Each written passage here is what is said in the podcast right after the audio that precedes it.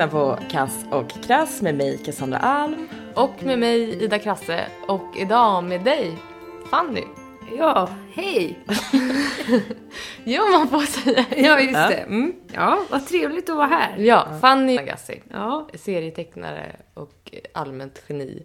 Ehm, Jo, Så är nu det. säger vi det. Ja, vi är tillbaka efter ett eh, sommaruppehåll som blev något längre än Ja, tänkt. men det är vi, sommaren i de positivas värld så har sommaren hållit på fram tills nu. Ja, man har ju hoppats att den ska börja om inte annat. Vi Sant. väntar på att den ska starta. Ja. Eh, jo, men Fanny, du är just nu aktuell med en självutlämnande serieroman som beskrivs så här. Ibland dör ens bästa vän helt plötsligt. En vän som varken är sjuk eller gammal. Döden är så nonchalant, livet också. Det bara fortsätter för vissa fast allt gör ont och hjärtat känns trasigt. Fanny sörjer men det är så svårt. Det är tröttsamt, ensamt och ilsket att sörja. Och hur kan alla andra vara så levande och lyckliga och gravida när Nabil är död? Tack och förlåt, som boken heter, handlar om början och slutet. Den handlar om foster med dåligt lokalsinne, om att bli kär, om att bryta ihop i en gynstol och om att dela den sista snusen med sin allra bästa vän. Fanny, eh, grattis, den är klar! och tack för att du har gjort den här fina, sorgliga och på samma gång roliga bok. Eh, så nu, sportfrågan. Hur känns det? Ja, oj vad fint. Du läste upp allt det där. Jo, men det känns, eh, det känns eh, bra, gör det. det. Ja, jag är nöjd och eh, det känns ju lite tomt såklart för man har eh, liksom dubbeljobbat ett tag med, med att få ihop allt eh, i sista minuterna och så. Då blev det lite in, in, intensivt. Men eh, sen, eh, mm, nej, nu tycker jag det bara känns gött. Men sen så är man ju väldigt nervös faktiskt. Och ehm, För, att, eh, för reaktioner eller för... ja, ja, jo faktiskt. Jag trodde inte att jag skulle vara det. Så det är lite också sådär obekant känsla tycker jag. Eh, för eh, jag känner mig rätt ängslig just nu faktiskt. inte just nu som nu när jag är här hos er. Men liksom det, det, överlag lite ängslig för att kanske folk bara Att, är det det som känns som värst att de inte skulle bry sig? Eller är det att du skulle Nej, få nej att de tycker att det är dåligt. Liksom. Alltså, att, eller liksom dåligt. Men nej, jag vet inte. Nu, nu, nu låter det som att jag är jättenervös. Det, det är jag inte, men jag... ehm, jag är ändå lite mer nervös än vad jag trodde, så att säga. För när jag satt och ritade den så var det ju bara så här, vadå? Det spelar väl ingen roll. Eller liksom så. Och så, så kom det här, det kom ett litet utdrag på nätet först. Och då blev jag lite så här, hö, hö. För då börjar ju folk liksom säga kanske, och jag läste ju ett utdrag. Och man kanske, eh, okej, det är lite svårt att bemöta sånt tycker jag, liksom när man pratar. Men, och den Ja. är ju, vi ska komma in på Och nu ska jag sitta här i vadå, 45 minuter och göra det. det är jättespännande det här. Det är jätteroligt. Nej, men det, då kanske jag lär mig det sen då. Ja. Precis, du får se det som en övning. Alltså om vi ska vara transparenta, vilket jag tänker kan vara bra, så bara tänker jag att vi ska säga att eh, du och jag, alltså Ida och Fanny, vi är vänner och kollegor. Ja. Eh, och jobbar på samma jobb, fast inte ihop. Tyvärr. Eh, typ, vi kommer göra kul. det mer igen. Och vi, vi lärde känna varandra ganska kort efter där den här boken tar avstamp. Eh, tidigt 2012 lärde vi känna varandra. Och för mig så här, som kompis så, så var det här väldigt så här, omtumlande läsning. Jag liksom skrattade och grät om vartannat. Och eh, jag är säker på att det gäller för andra läsare också. Som till exempel Cassandra som inte känner det lika väl. Liksom. Verkligen. Ehm, ja, men så bara så att, så att vi har det liksom Men eh, kan du inte berätta lite mer om boken för de som, eh, som inte har läst den? Eh, ja, alltså det var ju... Eh, eh, ja, det är ju som, som det stod då på den här baksidestexten att eh, det är min vän Nabil som tar och... Han är inte sjuk eller så, utan han, han dör plötsligt en dag och... Och mm, då börjar ju jag så bli lite manisk och besatt av och liksom "Ja, jag ska inte glömma bort honom och liksom hur ska man hantera det och sådär. Det, alltså, jag tyckte det var så svårt att förstå när det liksom inte fanns någon riktig ehm, förvarning eller anledning eller det var ju ingenting som hade hänt han var ju på jobbet som vanligt liksom. Så nej, det var mysko. Och då eh, så tänkte jag ju mycket på liksom vår relation och, och vad den har betytt och sådär. För den var ju en av de relationer som jag även då liksom värdesatte väldigt mycket. Även om den inte var direkt intensiv när han dog. Så var det ju liksom, det hade varit ett par år som var liksom hö, lite tunga för mig. Och då hade den relationen funnits där och alltid varit ehm, ja, men, så trygg på något vis. Eh, och ja, ja, men så då började jag rita då på, på den här boken efter ett tag. Och, och ville dokumentera det. Och sen eh, eh, så, så är det ju också i boken att eh, Eh, eller ja, du, även i livet. Att eh, under det här pågick så eh, ville jag ju gärna liksom bli på smällen och, och få barn. Och eh, det här, det kom inte med i boken till slut, men det var ju någonting som jag och Nabil pratade ganska mycket om. Eller liksom att, att så här, eh, hur, hur barn skulle se ut när man fick dem och att de var gulliga på tunnelbanan. Eller liksom sådär att man fick ont i livmodern när man såg ett barn Mm. på tunnelbanan brukar vi säga så här. Ja. Var han också, ville han också gärna ha barn? Ja, alltså jag vet inte riktigt hur seriös han var. Det kan ha varit så att han mest spelade med för att han märkte att jag tyckte det var roligt. Eh, och, men men eh, jag, jag tyckte ändå att eh, det var, det, var, det var någonting vi pratade om och det var någonting som våra vänner började så få. Liksom, Våra gemensamma vänner. Och, eh, och, så, och jag hade väl försökt ta och bli gravid då med min kille. Och, eh, men det gick inte så bra. Så det blev ett först utomkvedshavandeskap och sen blev det väldigt lång period när ingenting hände. Det har jag läst om sen, att det tydligen kan vara vanligt att kroppen blir lite så här "Huh?" efter ett utomkveds och liksom inte... Det tar lång tid för alla hormoner och sådär. Liksom, komma tillbaka på rätt plats. Och då var det ett år där liksom ingenting hände. Och sen... eh, Och sen fick jag komma på någon utredning och så. Och det är ju många som gör det. Liksom lite fler än, än förr har jag... Det är, vad jag tror nu. Jag har inga siffror på det här men... Eh, Alltså och- som får utredas eller som... Ja, som eller får utredas och det tog så lång tid för dem att bli på smällen. Och det, det, det tänker jag inte beror på typ plast främst, utan, eller liksom något sånt. Utan jag tänker mer att det är så här för folk kanske lite äldre också. När man eh, försöker skaffa första barnet och så. Men eh, ja, jag tyckte ändå att men jag var väl inte så gammal och det här skulle väl gå eh, fortare än så här. Och, och när man var inne i liksom, sorgen redan så kändes det som, ja det bara späddes på allting. Alltså jag fick någon konstig självuppfattning att man liksom inte kunde hantera saker och kroppen inte funkar som den skulle. Ingenting kändes som att det var kontrollerbart liksom. Ja. Och hur, eh, vad säger du? Jag, jag hoppar tillbaka lite. Ja, Kan gör du det. berätta lite mer om din och Nabils relation? För vi, har ju Ja. läst boken. Ja. Och eh, jag vill höra lite mer om den. Ja, jo men det var ju så att eh, jag eh, var... Jag träffade en kille som eh, hette Jonny och eh, han, eh, han var jättegullig och snäll och allting.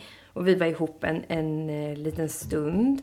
Men väldigt tidigt i vårt förhållande så introducerades jag för hans... Eh, Ja, till hans kompis Nabil. Och det var ju inte bara typ hans kompis utan det var ju mer hans typ livspartner mer eller mindre. Han var alltid där och, och sov över hos honom eller var med honom i, i någon mån. Vad man än gjorde med Jonny så var Nabil antingen visste han var han var eller så var han där.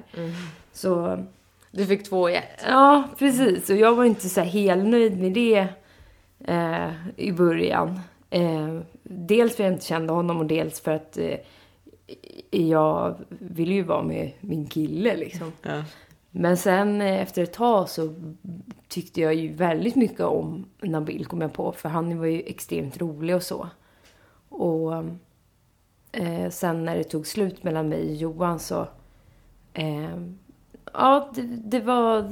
Det hade blivit en bra kompisrelation liksom mellan mig och Nabil. Men då, då går det ju inte riktigt att umgås sådär när man har lärt känna varandra så. Och när det tar slut liksom mellan den mm. länken mellan en mm. liksom. Um, och du, men, ni var ganska unga eller? Ja, vi var, det var ju under den här studentperioden när man mm. tog studenten. Så mm. det var ju... 18. Ja.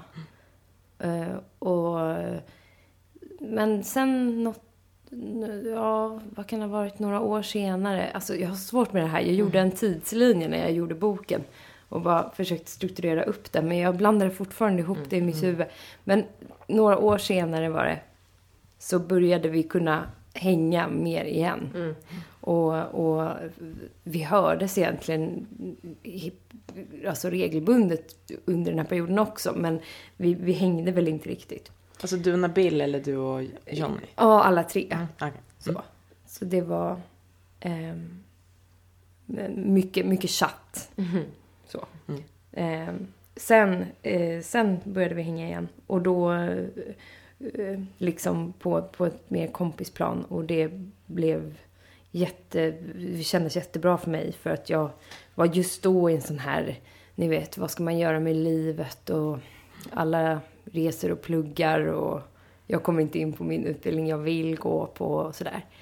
Um, nej men och, och, det var ett väldigt skönt gäng att hänga med. Uh, sen reste ju Johan iväg och då blev det ju mycket mer jag och Nubbe. Och det var väl egentligen då vi fördjupade vår vänskap. Och då blev det nästan på samma sätt som han och Johans relation. Att det liksom, ja, man, man hängde med varandra hela tiden. Mm. Så man, eh, ja men det blir ju nästan som ens familj när man umgås på det sättet. Det gör inte jag med någon annan än, än min familj Nej. idag. Mm. Eh, och jag vet inte om jag skulle kunna göra det heller. Men, men jag blir väldigt nostalgisk och så här, så när jag tänker på det. Mm. Han, uh. han verkar ha varit en väldigt speciell person. Liksom. Man fick en ja. sån relation med honom. Mm. Ja, för han var ju väldigt rolig. Eh, och eh, det var ju, ja, det var ju framförallt eh, någonting som... Eh, jag vet inte, jag, jag kunde skratta så jag grät liksom. Det är inte jättevanligt att man Nej. hittar sådana människor som man är så som man skrattar åt så mycket, eller skrattar med. Det var ju inte åt.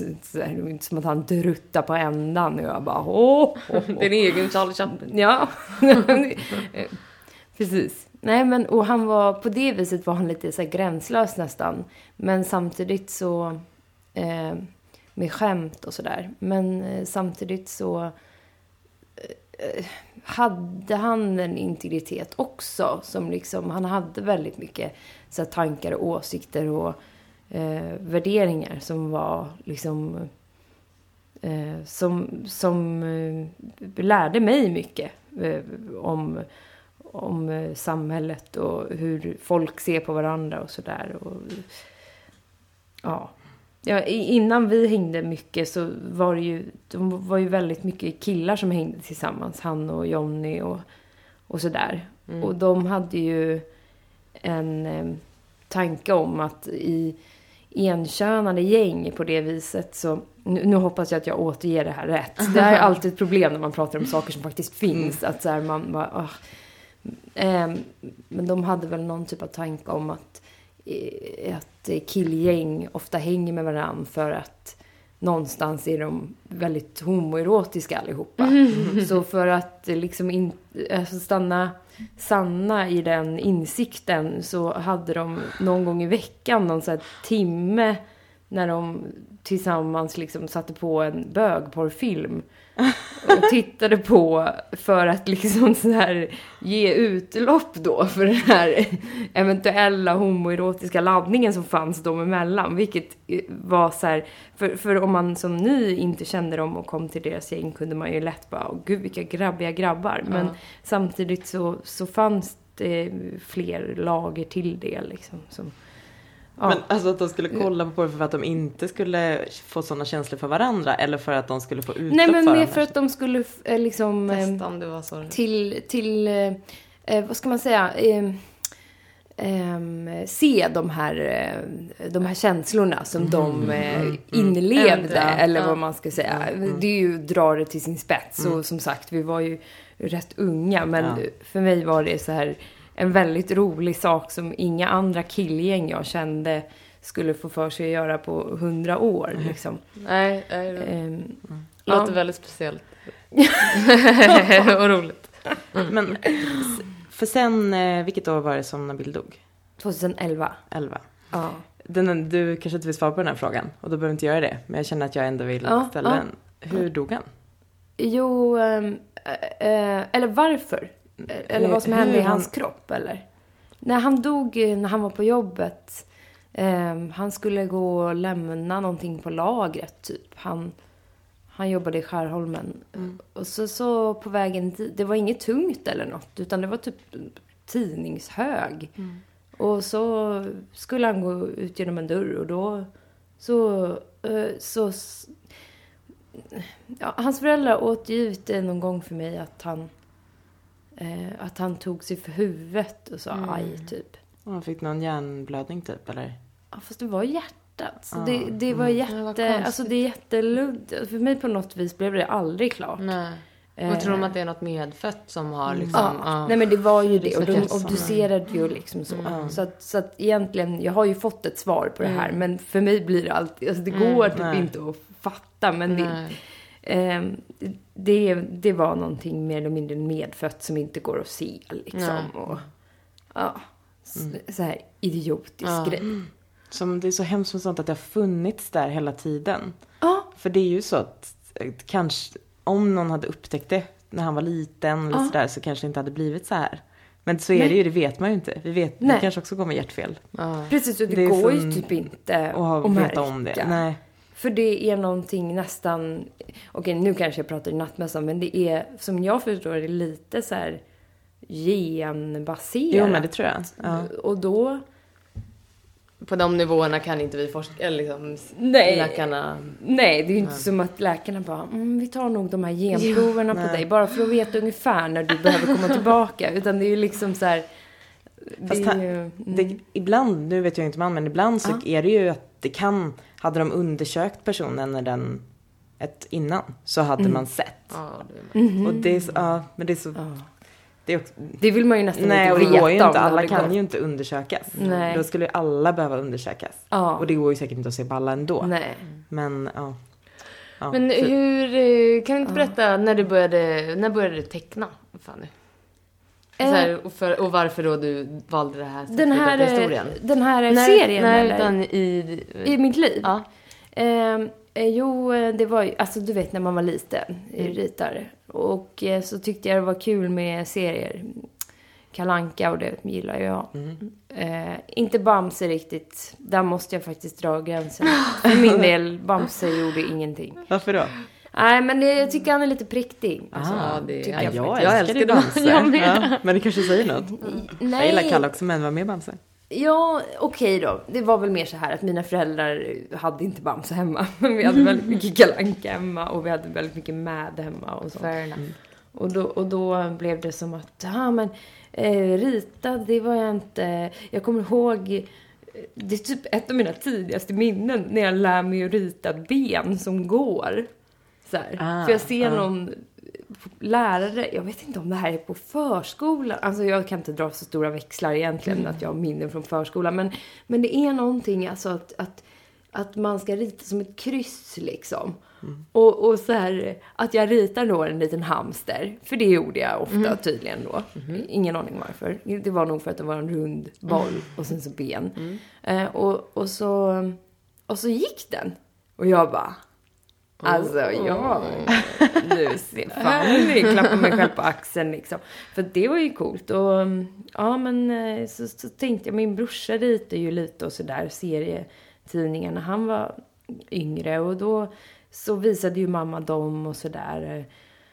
Eh, Och de var jättekonstiga, men, men jag tyckte de var världens finaste teckningar. Och de är faktiskt rätt fina, det är de verkligen. De ser ut väldigt mycket med eh, teckningar. Men eh, ja, nej, men då, då ville ju jag också göra det. Men då var ju hela min barndom... Jag, jag, det här är rätt färskt för att jag, mina föräldrar har just flyttat så jag har gått igenom väldigt mycket sånt här i gamla block och sånt där. För att mina föräldrar var någon typ av hoarders som sparade allting. Och bara, fan nu ska inte ta med det här gamla blocket hem. Och man bara, gud nej, aldrig i livet. Men, Eller jo. Ja, okej då. eh, då. Då var det som att jag så försökte hitta en seriegubbe som jag skulle rita hela tiden. Så att man ser så här, det här är seriegubben, eh, ja den kan ju inte heta Kalle Anka så den heter eh, Bertil Gås. Ja, men ni vet, nej inte Gås, Gåsborg. Men, eh, men ja, något annat Björn. djur eller något, ja, varför inte? Alltså du fyllde liksom marginalerna och... Ja, jag, jag Eller försökte komma på någon så här bra karaktär som var lätt att rita. Och sen så hade jag fått för mig att jag var tvungen att kunna rita den i alla olika situationer och bla bla bla. Alltså jag ville göra någon typ av så här, ville bli expert på den gubben. Men jag hittade ju aldrig någon sån. Nej. Och det är väldigt plågsamt att läsa de här gamla serierna. Eh, där man så försöker göra strippar som är roliga. Och man har sån här typiskt så här huset fullt humor typ. För att man är liten. Ehm, och ehm, ja, något sånt. Nej, Det, det, men eh, då försökte jag i alla fall. Men sen så på gymnasiet faktiskt så började jag göra mer serier igen. För eh, då gjorde vi ju såna här fanzines, jag och många jag kände. Och det var väldigt kul. Mm. Vad hade du för figurer då? Var det också självbiografiskt eller var det... Eh, ja, det var det nog. Fast jag försökte nog att inte vara så mycket självbiografiskt. Men det, det, det blir väl alltid lite det. Eller så är det jag som min exhibitionistiska ådra som liksom tror att alla gör saker med sig själva. Fast vissa kanske är helt eh, bara fantasi, fantasi, eh, fa, fantiserar. Eh, jag tror aldrig på sånt jag hittar på. Om jag hittar på grejer, alltså jag, om jag ska hitta på en historia. Och så ska, okej den handlar om eh, Ingrid. Jag tror ju inte på Ingrid. Bara, så fort jag säger så här, okej låt oss säga att hon heter Ingrid. Nej, nej, det passar inte henne. Okej. Hon finns inte, jag tror inte på henne. Alltså vad hon än heter så tror jag inte på henne. Men tänker du så när du läser andra serier också? Så här, nej, för fan. Nej, nej, nej, nej. De tror jag på. Ja, ja, det är inget problem. Det var lättköpt. Ja, ja. Nej, det är bara för mig själv. Har ni aldrig försökt typ skriva noveller och sånt? Jo. Och man bara, vad ska de heta? Nej, nej. Fast, och fast jag, tyck, jag, tycker, jag tyckte alltid det var så roligt med namn. Så det var typ det roligaste. Jag hade alltid massa namn på mina och jag bytte namn. För att det jag satt och filade på. Nej, det här är nog perfekt namn. Vi kanske har en collab. Fast det var ändå, ja, precis. Fast det var ändå, namnet var ju väldigt viktigt liksom. Alltså att, för det kunde, jag förstår vad du menar med att det kunde, kunde verkligen kännas fel. Om det var fel namn. Ja. Men, eh, men inte att det var tvunget att vara Cassandra. För att det Nej. skulle kännas verkligt. Nej. Men eh, för att eh, du, i din så använder du de riktiga namnen, eller hur? Ja.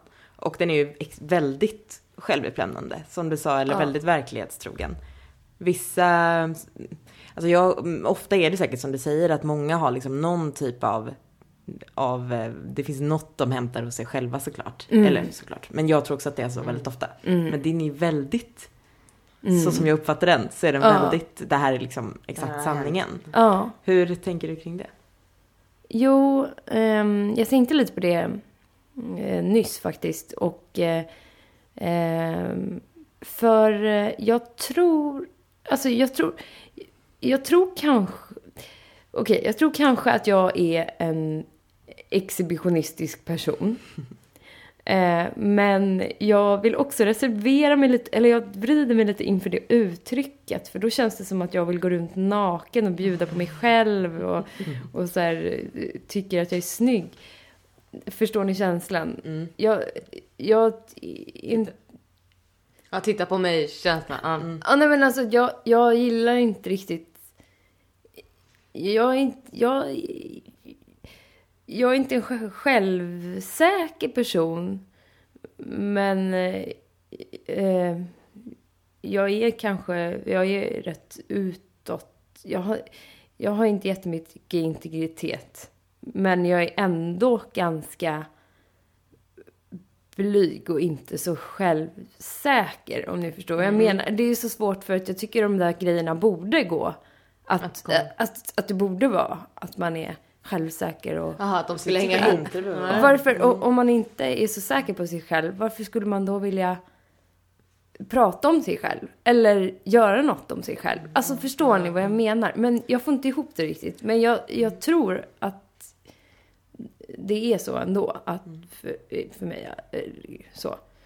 Alltså jag kan, jag kan verkligen förstå det. Jag tycker det, jag kan känna mig också som, eh, det är så olika sammanhang. Ibland, eh, jag vet att vi, ibland har jag fått exakt kommentaren att, eh, eller så här, personer i min närhet har fått kommentaren, men Cassandra hon har så mycket integritet. Och då kan jag känna, men känner ni mig? Men, men jag kan förstå, för att jag kan tycka att det är, att man blir så här genomskinlig. Jag kan ofta gå hem från jobbet och bara, men gud, varför måste jag vara liksom öppen med allt om mig själv? Måste jag berätta allt det här för mina arbets... Alltså, Man blir som bakis Ja, nästan på sig ja. själv. Ja. och, men jag känner, jag, om jag uppfattar det rätt, att du känner att det är, att man skulle göra det för att man har någon, att din syn på den typen av egenskaper, om man ska säga, skulle vara att man har, att man vill visa allt det bra hos sig själv. Men så uppfattar inte, så känner inte jag. Jag känner att Nej. många, jag och många andra personer också är sådana, för att man snarare tvärtom, man vill liksom Ja. visa att så här, Ah, allt eh, d- omedvetet att man liksom vill visa upp allting som är så här. "Åh, jag kan vara ärlig med de här dåliga sakerna för då kommer ni inte döma mig på det sättet sen och där, där, där. Ja, okej, att man liksom försöker safea lite kanske. Och så här, jag är elak mot mig själv först. Ja men lite öppet, omedvetet. Ja. liksom. Mm. Ja, Och, att och också att det är en så här, jag är extrem bekräftelsemänniska. Alltså Ja. söker verkligen det.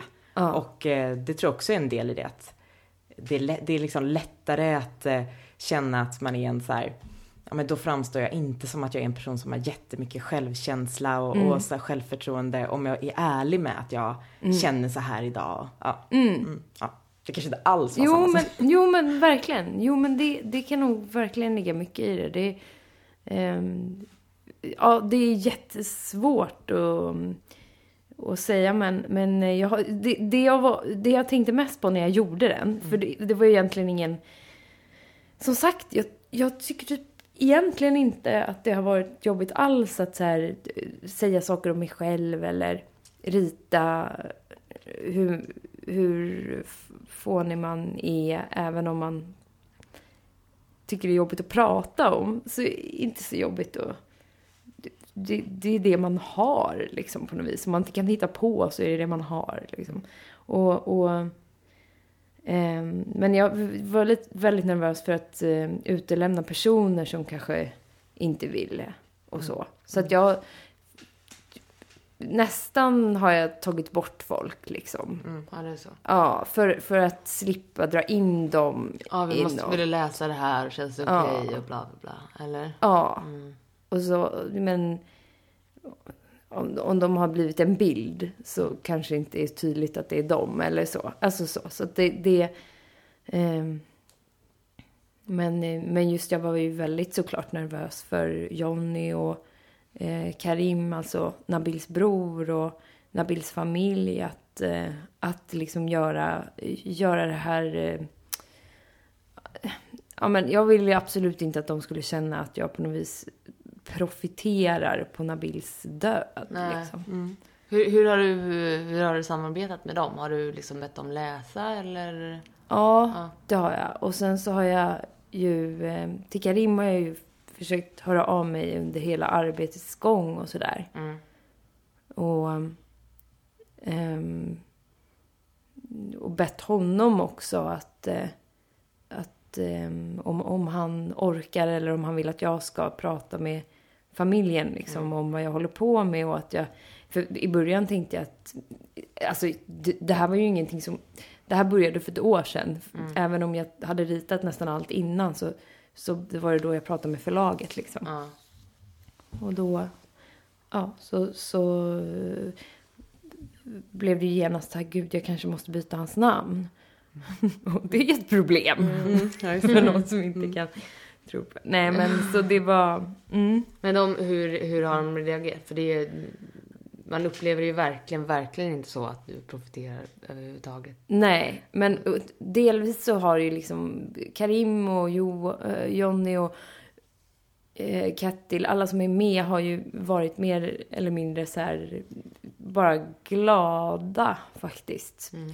Vad de har sagt till mig i alla fall och tyckt att det har varit roligt och, och att de känner igen eh, Nabil. Och Ja, det vad blir roligt. jag väldigt glad över. Men sen är det ju så här att eh, tids... Eh, tidsuppfattningen, alltså till exempel jag uppfattade ju att Johnny var borta mycket längre än vad han egentligen var borta. Men det var ju för att han så här, kom hem emellan en termin och sen åkte iväg igen. Alltså du vet, sådana grejer har jag bara, ja men nu får det faktiskt vara mitt minne som, Ja. som styr det här. För det var ju också det som var lite så här förlösande för mig antar jag, att jag kunde att jag kunde strunta lite i andra och bara, okej men nu ritar jag som jag Mm.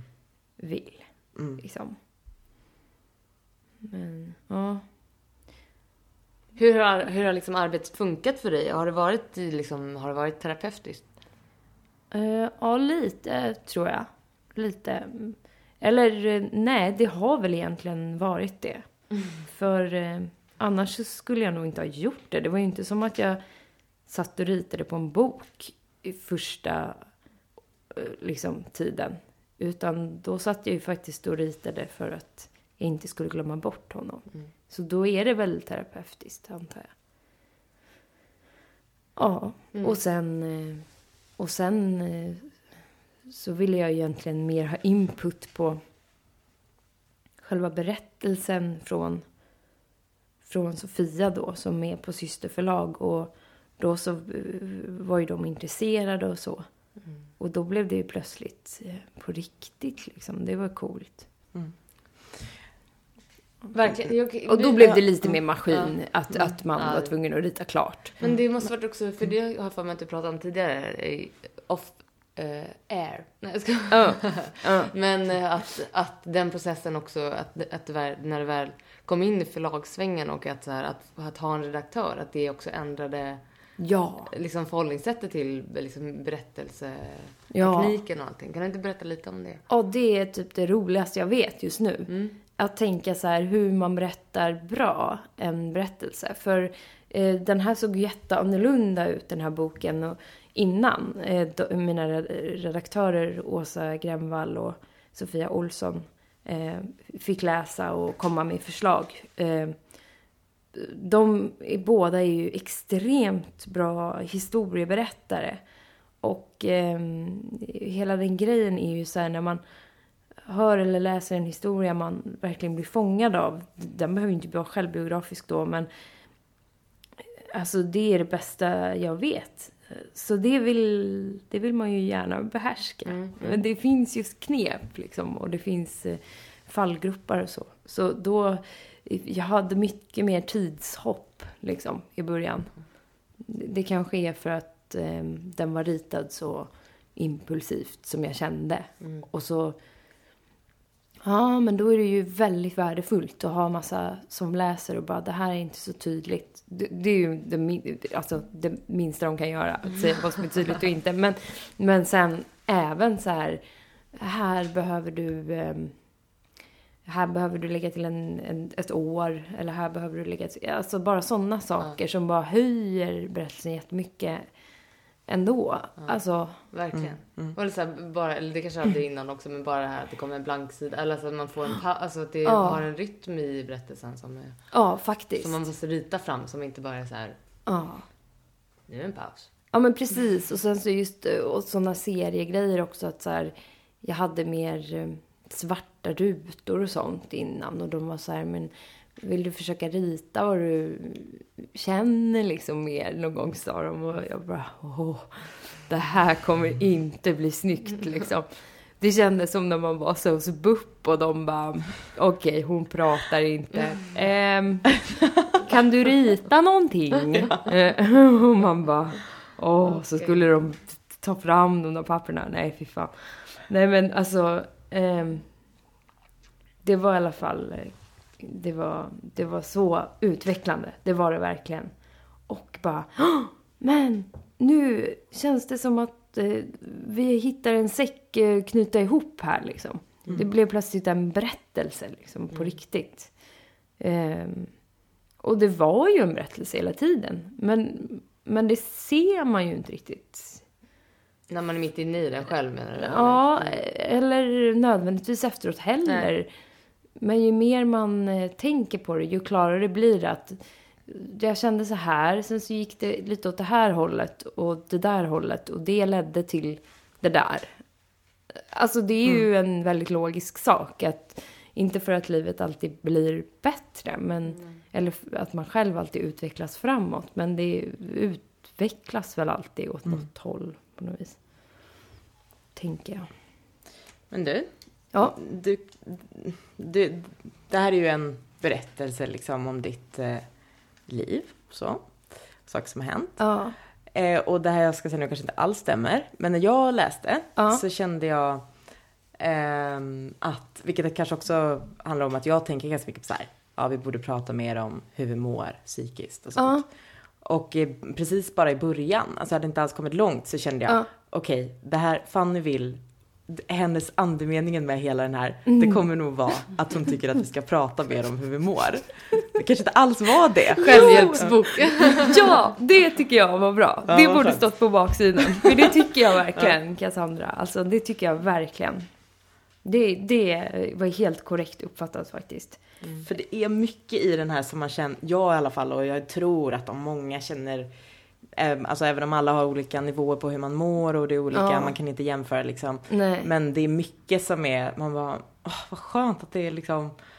Att det kommer upp. Ja, Ja. ja men, känslor kring allting. Ja. Precis, och det, det där, eh, jag tycker det är så svårt till exempel på, på jobb eller vad det nu är för social situation man, man känner att man måste liksom behärska sig. Kanske med vänner också. Eh, Man vill inte göra folk obekväma eller man vill inte mm, sätta folk i position där de känner att de måste behandla en på något, som en porslinsvas eller något. Utan, eh, men och, och, fast liksom, ja, och det där är väl, ja det kan väl vara bra att vara försiktig då, men, men samtidigt så, det är ju faktiskt, om man säger att man inte mår bra just nu eller så. Även om eh, kanske andra då på jobbet, om det är ett stressigt jobb och man har korta anställningar och sånt där som det ofta är om man är ung. Att, ja men kanske att de bara, "Ja, men skitsamma du måste göra samma jobb och att det, det, det är fine, det, det ska man. Men eh, det är inte därför man säger det heller. nej. Utan det är ju för att, eh, det, varför kan man inte säga det? Nej. Folk säger ju ofta om de är glada eller om något kul händer så borde man ju faktiskt på, på ett sätt kunna säga bara ja, det är tråkigt att höra att du mår dåligt och jag hoppas att det blir bättre och sen borde det kunna vara Alltså det borde inte vara så himla dramatiskt Nej. kan jag tycka liksom. Precis, så kan jag också känna ibland när man, om man kommer till jobbet, för det är jobbet man är på varje dag. Liksom. Ja, Och där man kanske inte är med sina vänner som man sitter ner och pratar med och så här. man har Men- inte valt dem liksom. som Nej, man, även om man tycker om dem så är Ja. det kanske. Eller inte. Så, eller inte. Men, ja. men eh, Jag de har an- en tjej som heter Ida på mitt jobb Ja, som hon är är så så jobbig. Så glättig person. Världens trevligaste människa. Nej men precis som du säger att ibland så kan jag känna att men, åh, kan inte jag bara få säga idag att jag har en lite dålig dag eller det, jag, jag tycker livet är rätt jobbigt just nu. Ja. Och därför så kan ni bara tänka på att inte, eh, att jag kanske inte orkar vara så här. Woho! Ja. Gud vad allt är kul idag. Men ni behöver inte, det behöver inte vara liksom att vi Jo, det Sandra, går hur inte är under. det? Vad är det som har hänt då? Okej, hur Ja. är Och jag kan känna ibland när man bara säger så här. Jo men det är ja men, alltså det är ganska bra. Ja. Så så Vadå ganska? Jo, och, och, och jag förstår det för säger Ja. någon, det finns ju en, jag be- beskyller ingen, det finns Nej. ju en liksom bestämd, en överenskommelse över att det är så det är. Mm. Mina kollegor säger också såhär, jo men det är väl okej. Det är också såhär, jaha, är det någonting som har hänt? Jag Ja. frågar ju Vill, också vill då. du prata om det? Ja. Eller liksom så här, för, för då, precis, Det man vill ju inte verka alltså. nonchil liksom. Nej. Och bara, jaha, okej. Mm. Nu går vi vidare till punkt två. Alltså det blir ju konstigt. Men, men eh, nej men precis. För att samtidigt som du sa förut, man, man vill ju inte komma hem och känna att man man är bakis på sig själv. Nej, precis. Och bara, oh my gud, varför berättar jag om det här traumat för min jobbiga, jobbiga chef? Mm. Eller om man har en sån, eller vem det kan vara, eller någon annans jobbiga chef. Eller, alltså, Mm. liksom, Att Man blir såhär, jag Ja. den som sprider dålig stämning på jobbet. Gör jag att folk blir ned, blir deppiga utav... Den känslan kan jag få ofta. Och Aha, även i bland kompisar att man blir så här. eh, För det är ju lätt att det blir en sån, liksom, om man... För det, det kan jag också tycka att man får akta sig för. Eller jag har känt själv att okej, jag får akta mig för jag måste inte säga alltid att det inte är så himla bra. Utan jag kan ju faktiskt säga ibland att jo, men det är bra. Liksom. För att det är ju ganska bra. Förstår ni? Att det är lätt att komma in i att så här, det blir för mycket med sina nära då, kanske inte med jobbet, men med sina nära att Alltså det är aldrig, livet är aldrig så här, allt är bra, men det är okej. Det är liksom, man är glad, det är okej. Och eh, det är lätt att komma Hur in i mår någon du slags... egentligen? Men det är lätt att komma in i också att så här, eller jag har haft har sådana kompisar att det är lätt att vi sitter bara och pratar om våra problem. alltså det liksom. blir att man ältar och Ja, ältar. och det ska man också akta sig för. Och det gör jag jättemycket med min mamma. Ja, och det är nästan exakt. ibland att jag Ja. blir liksom deppig av det. Av det. Av att Mm. prata då. Och då, då liksom, nej, fan är fan, du, du kan inte hålla på. Men hon är också väldigt så här, hur mår du egentligen? Och bla bla. Så man, man ska väl, eh, ja precis, man ska veta varför man inte delar med sig och tycka att det är bra anledning man har, antar jag. Ja. Och sen ska det inte behöva vara en katastrof. Alltså man kan... Eh, det ska inte behöva vara en katastrof att höra att någon mår dåligt heller. För det Nej, gör nej. man. Ja. Men- jag men- är nog lite tvärt, alltså ja, i det här sammanhanget så är jag nog eh, lite tvärtom. Alltså det, har, det är någonting som jag försöker bearbeta, men att jag är så här, det är bra, det är alltid bra, toppen, Ja. tjena hej. Men du är en så social kameleont. Kameleont. Kameleont. Kameleont. Ja, nej, men så, för, så för mig så krävs det alltså, precis Ja, tvärtom, ja. att det måste vara någon som bara, men är det bra? Ja, det är bra. Men är det bra? Ja. Det är bra. Men är det bra? Okej, det är okej. Men är det bra? Okej, jag mår skit. Ja. Alltså, du får numret till min mamma. Nej men så det, det är ju liksom, och det handlar ju om att jag är såhär, äh, nu är en dålig situation, jag pallar inte prata om det. Eller nu är det, Ah, då, alltså, ah, jag, jag orkar inte. Eller Ja. så här, att jag, så, jag, så man kanske liksom bearbetar samma problem fast på, på två helt olika sätt. Ja, för du vill Eh. kanske vänta med att liksom tänka på det tills det är lite mindre en het potatis i ditt Ja. liv och du, du låter det svalna Jag lite. prokrastinerar min, min oro. Ja, men det, och jag tänker att man, olika saker funkar för olika personer. Att det inte fin- det är därför det där med självhjälpsböcker blir så svårt liksom. För det, om en metod funkar för alla så borde det ju vara ganska, över ganska fort. Men, eh, men eh, däremot så har jag faktiskt funderat på, alltså det här med att Ehm, ja, hur öppen man är på jobbet och sådär. För att, för att när man, när man eh, kanske blöder väldigt länge, väldigt mycket, eh, liksom som mens, fast det är liksom någon typ av pågående missfall. Då är det ju, då är det ganska svårt att vara det är ganska svårt att så här, mörka det kan jag känna. Eller k- kände jag på jobbet. För att man blir så trött och man blir så... Och det Jävla- var ett led i ditt utomkvedshavande? Ja, ett utomkvedshavandeskapet ja. ja. Och då visste jag ju för sig inte att det var Nej. det. Men, men eh, jag tänkte ändå att det är mysko det här med att ha mens i en månad. Liksom. ja. Ehm, det var inte jättemycket, men framförallt är det ju väldigt irriterande att behöva köpa bindor så pass ofta. och så råkar man glömma och så får man köpa på 7-Eleven och så är det... Men och det måste ju också Plötsligt. påverka liksom rent fysiskt hur, vad som händer inuti kroppen. Ja, ja, mm. Precis. Och då får man så jättelåg blodvärde kanske. Mm. Då så blir man ju så trött och seg och... Och um, ja, det, det, så att, det var ju liksom på riktigt sa- satt man och sov på möten. Liksom, verkligen på riktigt. Och, ehm, och man, man kände att liksom, jag, nu behöver jag förklara att jag inte mår så bra på ett bra sätt. Och då kändes det ju plötsligt lite mer pinsamt än när man... Alltså, för, när man verkligen behövde det på något vis så kändes det som att eh, jag krävde något av dem jag sa det till. För Ah. att jag kunde inte vara hundra på jobbet. Nej. Men jag var tvungen att jobba för att inte bli av med jobbet. För m- min dåvarande chef hi- hintade väl lite liksom sådär. Ska du vara borta mer än en vecka så blir det lite problem. Ehm, Ah. För ja. vi har tre månaders liksom, mm, cykler då vi återanställer dig eller inte. Eh, Ja, och det- arbetstrygghet. Ja, nej men och, det, och, och liksom så. Och jag hade ju klarat mig, I guess, som arbetslös. Men jag ville verkligen inte bli av med det där Nej. jobbet och så. Blir det en till Det- grej som man bara ska orolig för. Liksom. Ja, så det, det, ehm, men, ehm, mm, nej, jag, det, det, jag har funderat på i alla fall, som jag började säga för det var ju att, eh, eller det är ju att eh, så här, gå med i en typ talgrupp.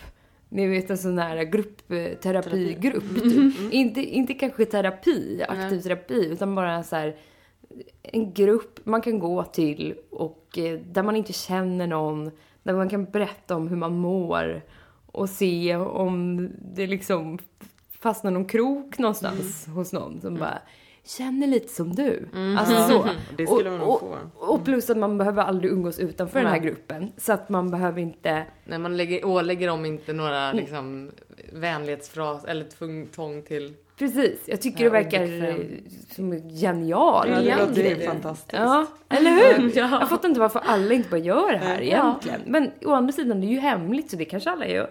Ja, ja precis. Mm, Anonyma, liksom, vad ska man kalla det? Prat. Anonyma Ja, analytiker. det är ju frågan vilken man skulle välja då. För att då måste man ju antingen vara... Ja, Hatmissbruk. ja, Ja, det är onödigt att skaffa det för att skaffa en talgrupp. ja eller hur? Men... eh, Anonym KBT. Ja. Eller någonting. Ja, det KBT kanske brukar vara anonym. Men någon anonym mental coaching.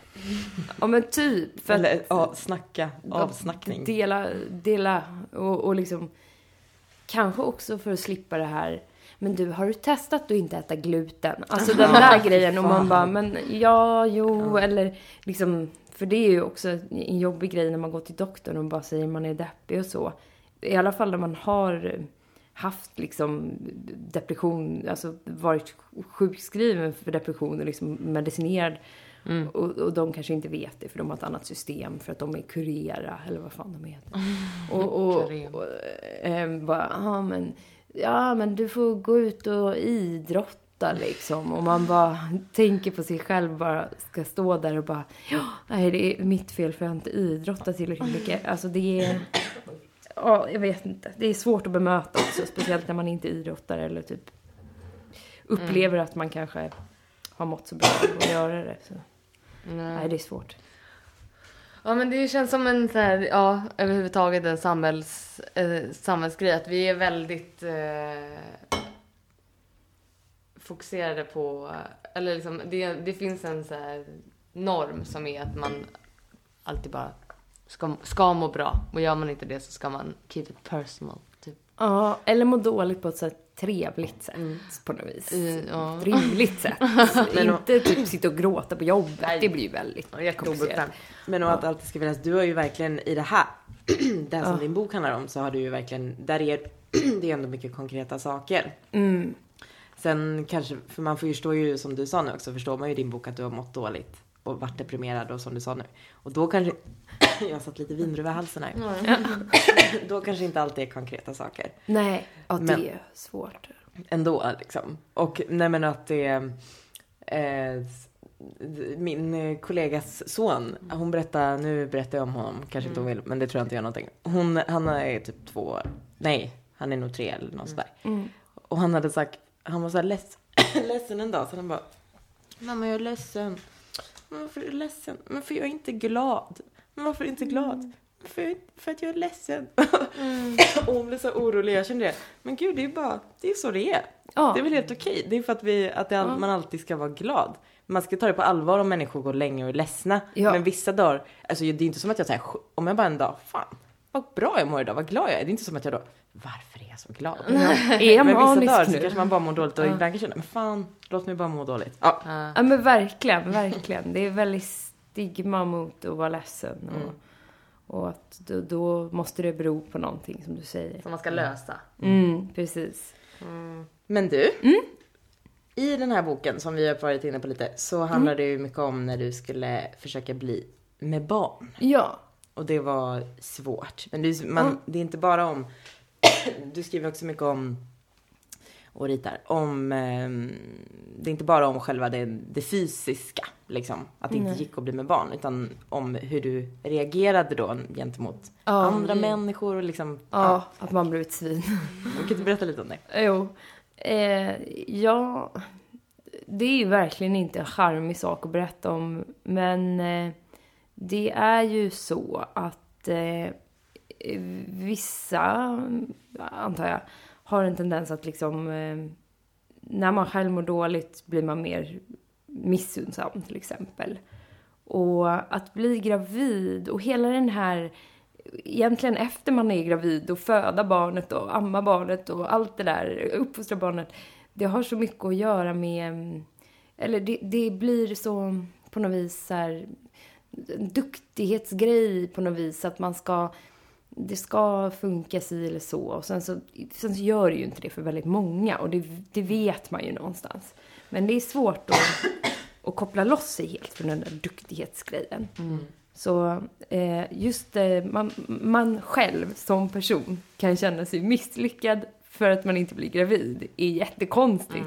Men, men eh, jag tror att det är fler som har, liksom, känner just den grejen när det, när det inte går. Att man så här, vad, vad, är jag för, vad är jag för kvinna egentligen? Eller liksom... Mm, eller liksom blir orolig på att det är något väldigt fel med ens kropp och så. Mm. Men överhuvudtaget, det känns ju som en sån sak eh, som folk inte pratar om överhuvudtaget. Alltså så här, eller så här, rent intellektuellt så vet man att det här, ja, det kan ta lite tid att bli gravid och Ja. så. Men det är ju verkligen ingenting som folk pratar om. Eller så här, som är en så här gemen, eller allmän men jag tänker så här med vett och etikett, nu har inte varken jag eller Cassandra barn, men, men och vi är så här eh, 28 och folk säger, ah, men när, när ska ni skaffa barn? Alltså att, att den frågan får man fortfarande. Så här, folk har ingen aning om så här, försöker vi skaffa barn? Mhm. Kan vi få barn? Vi kanske inte kan det. Vill vi ha barn? Alltså så här, Ja, gud. att, eh, för, för så upplever jag det. Att vi, jag har ganska många bekanta som har barn nu. Mm. Och som säger det. Så, här, men som med er eller med andra så här. Men det tog jättelång tid. Det tog liksom, Mm. ja men efter ett år när det inte hade gått- funkat. Då började vi gå till sjukhus eller IVF eller så vidare. Ja. Och så här, att det, det känns som att det, det liksom ligger, att det inte är ett, ett samtalsämne som är helt okej. Och, eller för- på något sätt ändå. Ja. Utan att, att normen är så himla stark. Men det är som kanske du säger med, så här, med duktighetsnormer. Eller med att, att allt ska bara vara...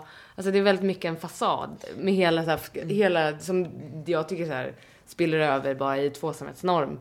Men att, så här, Ja. att man ska vara ett lyckligt par, man ska vara kära, man Ja. ska skaffa barn och det ska vara härligt. Ja. Och det ska vara kul. Alltså, Ja, men så också enkelt. mycket så på, på kvinnan också. Mm. Framförallt att, att man...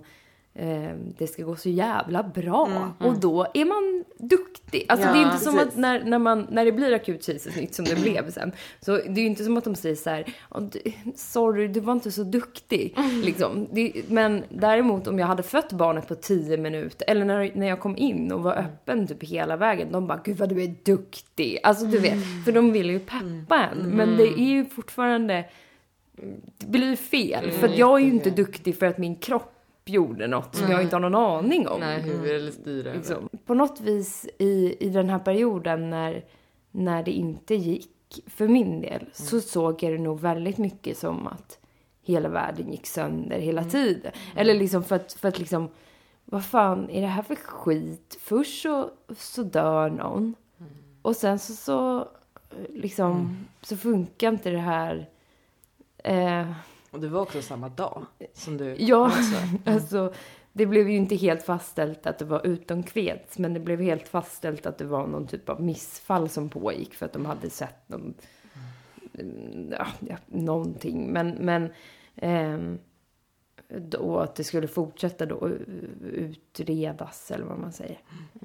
Men ehm, ja, ja, liksom det är väl, det, det är såklart att det är så här. Folk eh, dör och folk blir inte gravida och allt det där. Det är ingen, det är ingen stor grej och eh, eller det, det är ju, Det är ju- det blir ju en stor grej, men, men alltså det händer ju hela tiden. Så varför, varför, eh, varför kan det inte bara få vara så? Men det är jättesvårt att acceptera vissa saker.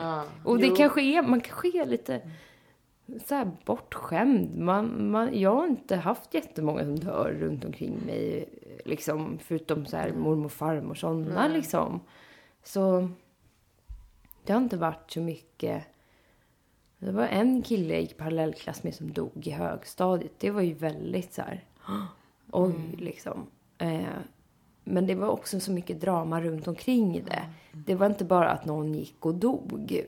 En vanlig tisdag eller torsdag eller vad, när det var en fredag. Som Nubbe dog. Men, nej, så jäkla... Men, men och jag tycker liksom det går, allt, det går liksom ihop, det går hand i hand med att det inte går att vara ledsen på jobbet. För det är liksom allt, det finns en sån norm att så här, s- säger man det har vi pratat om förut, men så här, dör någon, nu var ju Nab- Nabil jätteung, men jag menar, dör, även när någon dör så här, i 40-årsåldern säger man så här, ja ah, den dog mitt i livet. För normen är så stark att så här, vi lever, vår medellivslängd är 74 eller 84 eller vad fan det är. Eh, och allt innan det är så här är sjukt onormalt. Eller så här att det är en, man har en norm och att man, att man ska vara frisk, att man ska liksom leva så länge, att man ska få bli gravid direkt, att man ska, Ja. och så här eh, allt annat är, är så sjukt avvikande och det, på ett sätt så är det väl bra att, att, att det inte händer oftare. Men det händer ju verkligen. Och att, eh, och att det kanske man måste prata om lite oftare. Att så här, verkligen bearbeta det. Och, eh, ja, så för att jag tror att det är ganska många som går i den villfarelsen att så här, eh, att det bara ska rulla på. Ja. Eh, och att det verkligen... Och att då blir folk så hand- handfallna när, när det inte gör det. Ja, precis. Och, och, Och rädda typ. Ja, och, och det där med typ så här, eh, liksom sorg överlag.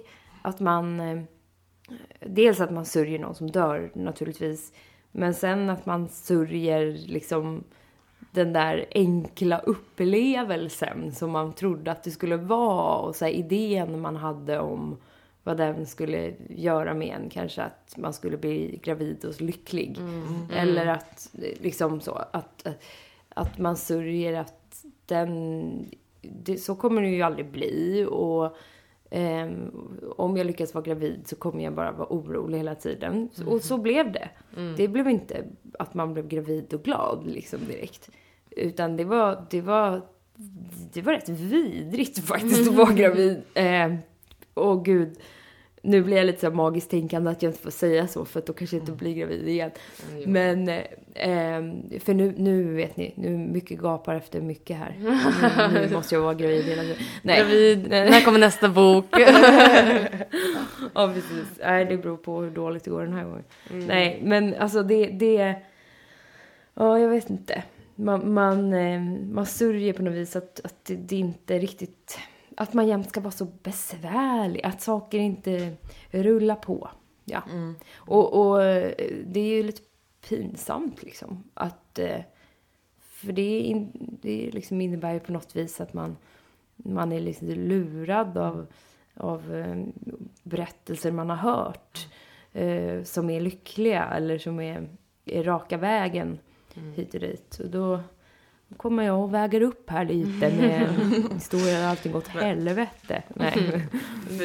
ja, nej men det är ja, förlåt, säg. Det är lite, du är inne på det i boken också och det, det känner jag jättemycket igen i och det är säkert många män att så här, jag kommer inte exakt ihåg vad du, hur du uttryckte det där men att man ehm, blir arg på sig själv eller vad man ska säga. Det är lite det du pratar om nu, tror, antar jag. Mm. Att eh, så här, ja men jag man mår dåligt. Och då blir man arg på sig själv till slut. För fan varför låter jag mig gå runt och må dåligt? Mm. Och så blir man arg på sig själv för att man tänker på att man är arg på sig själv. För att man mår Jag vet. det är som en eh, konstig, som inte går att ta sig ur kan det kännas ibland. Nej, man blir som den Så där... här, slösa tid på ja. att må dåligt. Varför Det gör jag det med mitt liv? Varför, Ja. varför är inte jag sådär bekymmerslös som, som så många andra människor är? Och, och när man hör om andra som mår dåligt så är det ofta så här att de bara, men jag kämpar mig ur det. Så här gjorde jag. Och man bara, varför kan inte Självhjälpsbok. jag vara så? Varför kan inte jag bara följa de här stegen? Det är ju jättemycket sådana sorgsteg eh, som man kan försöka läsa om och följa, eller följa, men som, som tydligen man går igenom sju steg eller vad det är. Och, och mycket är ju så här mm, rent, eh, mycket är ju rätt logiskt. Att man först inte riktigt tror det och sen inser det men sen inte vill acceptera det. Men sen så är det ju, alltså sju steg innebär ju att sorgen går över någonstans, Mm. tänker jag. För det sjunde steget kan väl inte bara vara så här, är man ledsen resten av livet. Ehm, och det där blir ju lite jobbigt så här när man, när man märker att ehm, först är alla väldigt omhändertagande och kanske frågar, jaha, men är det säkert att du, du orkar det här eller ehm, liksom. Och så märker man att fan, jag, jag, är inte, jag, har inte, jag har inte slutat sörja än liksom. Är det normalt då? Då blir man också irriterad på sig själv. För att man tänker att den där kompisen som är vår gemensamma den, den verkar faktiskt ha slutat sörja nu. Och, och, och börjat med den här utbildningen eller, eller börjat på det här jobbet. Och det, det verkar ju funka bra. Eller sådär. Att man liksom... Men man vet ju inte. Det kanske, den kanske sörjer på ett helt annat sätt. Eller liksom, och, och det är helt olika för alla. Så det är så jäkla svårt att...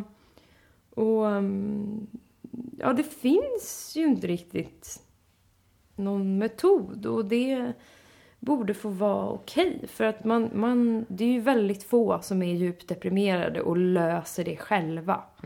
Alltså då är man ju, jag vet inte vad man är då. Nej, Jag tror kanske att man Obehaglig. är en bedragare eller en, en, något Nej. eh, så. För, att- för att det är inte riktigt, det är inte riktigt upp till en själv om man mår dåligt. Nej. Eh, alltid. Sen om man såklart man sitter och tycker synd om sig själv. Men jag, jag, det känns det så mycket amerikanskt så här, eh, Mm. KBT, självhjälp. Skrattar dig lycklig. För det är också Ja. lätt att känna så här att det är typ är, att det känns att man känner sig egoistisk i det typ. Eller att så här, här sitter jag och tycker synd om mig själv och så finns det människor som inte har någon mat i världen. Eller så, Ja. Det kan man ju inte heller, det, det, går, det hjälper en ju inte ur det att tänka Nej. att så här, ja men nu sitter jag, ba- nu fokuserar jag bara på mig själv. Det, det, det, det blir bara ytterligare en sak som man, Ja men precis, och det har man ju folk som eh, sitter och kanske har blivit eh, liksom, jag vet inte, våldtagna av en styvförälder två gånger och bara, ja men det hände bara två gånger. Det var inte som den där, det, det var inte som att det hände varje dag. Och man bara, nej men då så, fan ryck upp dig. Ja. Alltså jag menar, det, det är ju jätte, man, eh, man ska inte bara liksom se ner för man har väl idéer om vad som är jobbiga för en. Och sen så finns det ju saker som faktiskt är jobbiga för en. Eh, och det är väl bra om de försöker mötas, de två sidorna.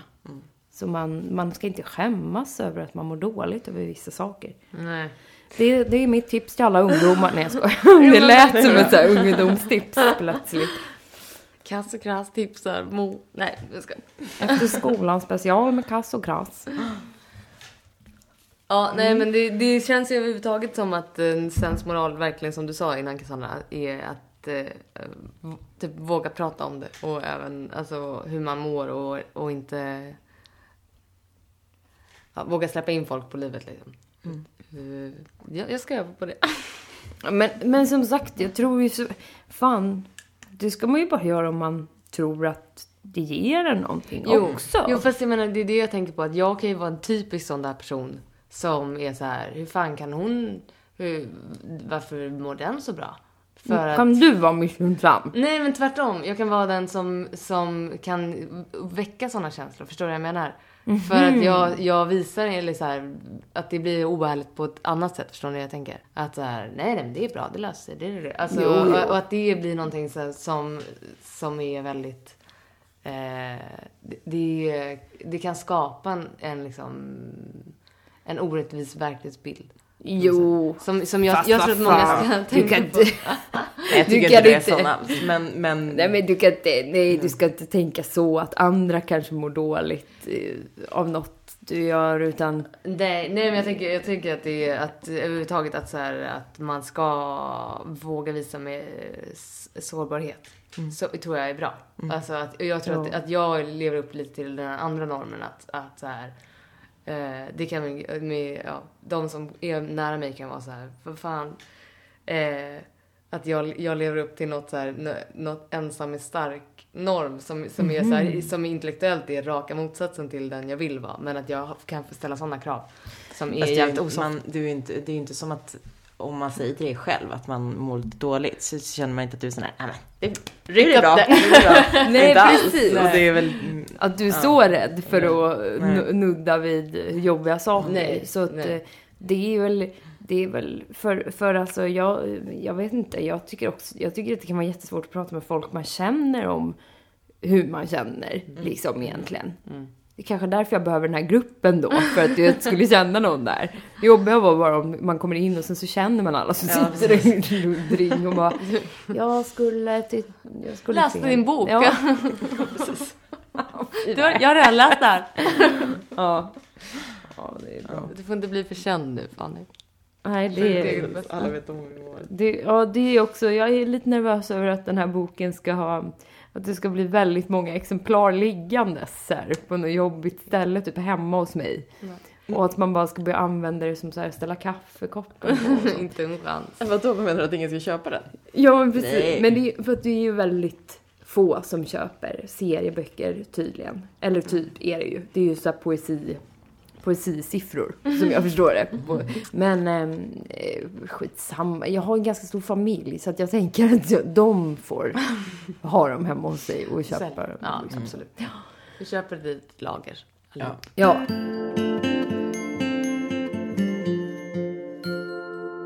Vi har ju en programpunkt som faktiskt heter klass, klasstipsar. Vill du börja Cassandra? Mm, kan börja. Alltså som sagt, det behöver inte vara aktuellt. Nej. Och det är inte mina. Den ena grejen har till och med slutat att gå, men det går att gå in och lyssna. Det är också ett gammalt eh, program, men jag upptäckte det den här sommaren. Allvarligt talat. I alltså ett eh, Ja. SR-program. Radioprogram. Med- Med... nu är det mm, Lena Andersson och Horace Engdahl. Och framförallt Lena Anderssons eh, program. Alltså det är de, folk får skicka in, har skickat in frågor.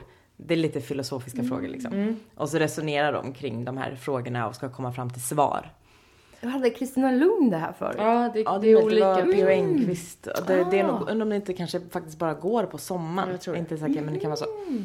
Men och, um, alltså jag delar inte allt, verkligen inte allt Lena Andersson tycker och tänker. Men eh, jag tycker hennes, i det här programmet så var hon jättebra. Och väldigt, eh, alltså man, och eh, Horace, Horace delar var också bra. Men på, för mig blir det så tydligt att han är man och hon är kvinna i den.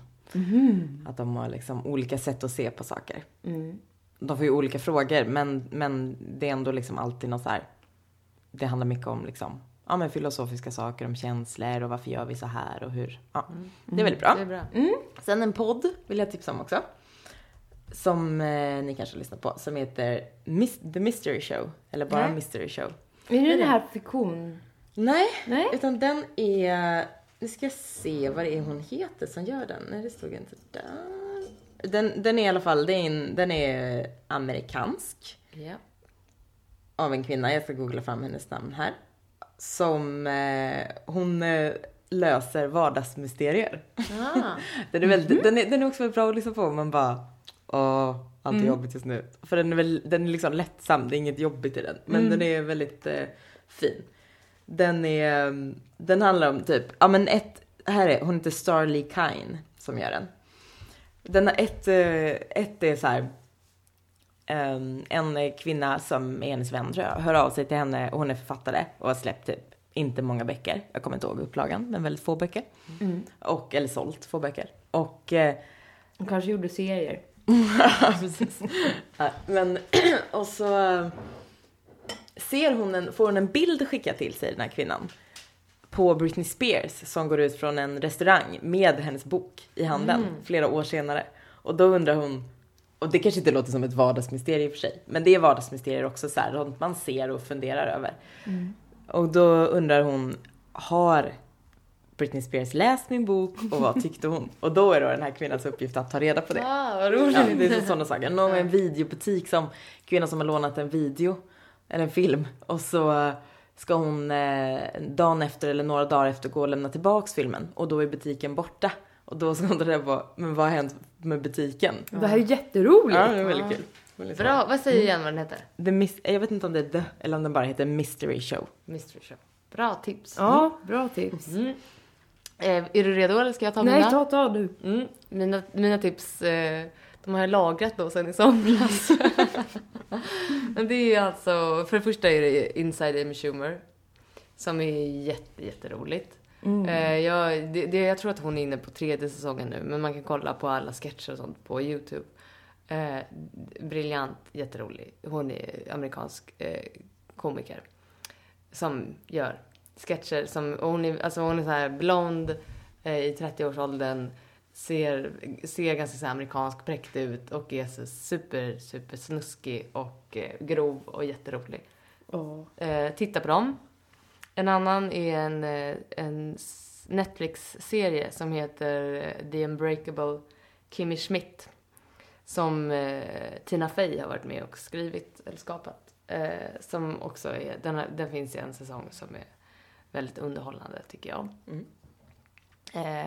Och sista är också en podcast som heter Invisibilia.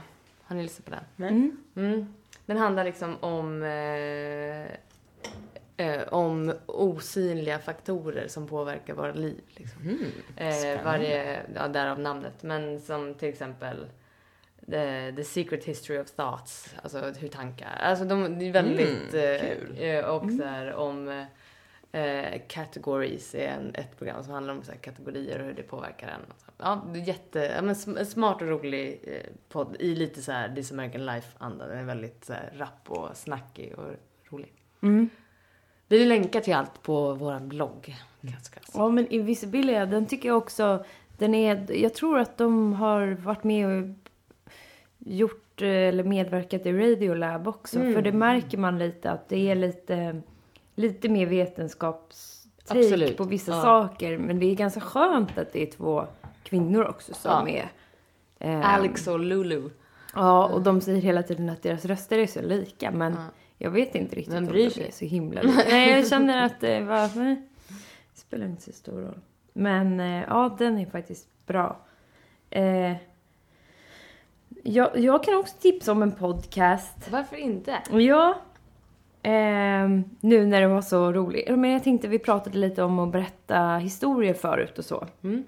Och eh, då finns det ju den här historiepodden The Moth. Men den kan, tycker jag är lite ojämn. Så att jag tänker inte tipsa om den, även om jag nämner den nu. Så tipsar jag om en annan som heter Snap Judgment, som jag tycker är väldigt bra. Mm.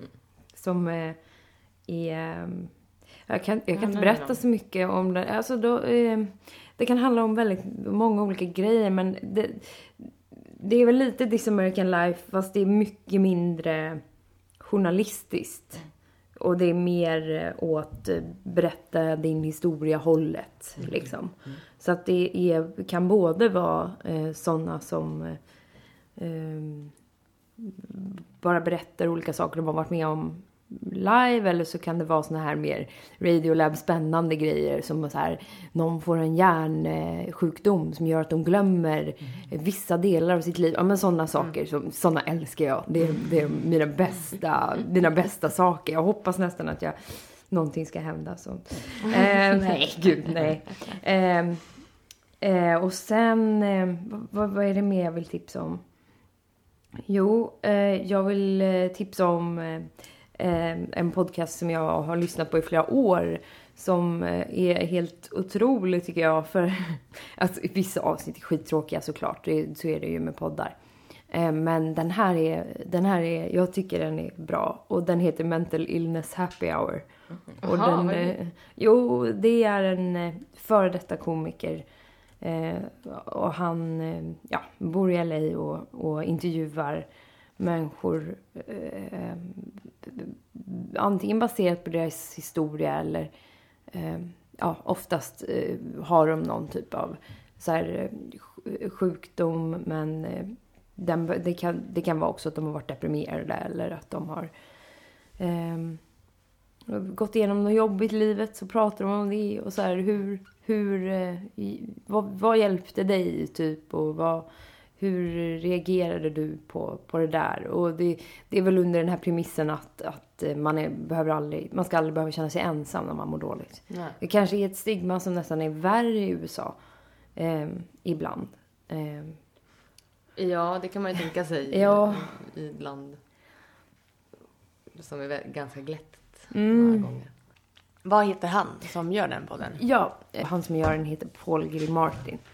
Och han har själv, under första säsongen av den här podden så blir det väldigt spännande för att han han eh, har upplevt ganska mycket trauman med sin mamma som han är uppväxt med. Att eh, hon har eh, ja, men, gjort väldigt mycket så här, sexuella anspelningar och tagit på honom på väldigt olämpliga sätt och sådär. Och att han, han intervjuar en psykolog under den här första eh, bland de första avsnitten. Och, och liksom, man märker hur han under samtalet nästan kommer på mer och mer vad det liksom har gjort med honom det här. Mm. Att, att han faktiskt har blivit väldigt, väldigt ledsen och besviken på sin mamma liksom. Mm. Och, och sen får man följa det lite sådär att han faktiskt säger åt sin mamma att nu, nu kan inte vi ha någon kontakt liksom. Och så uppdaterar han ibland.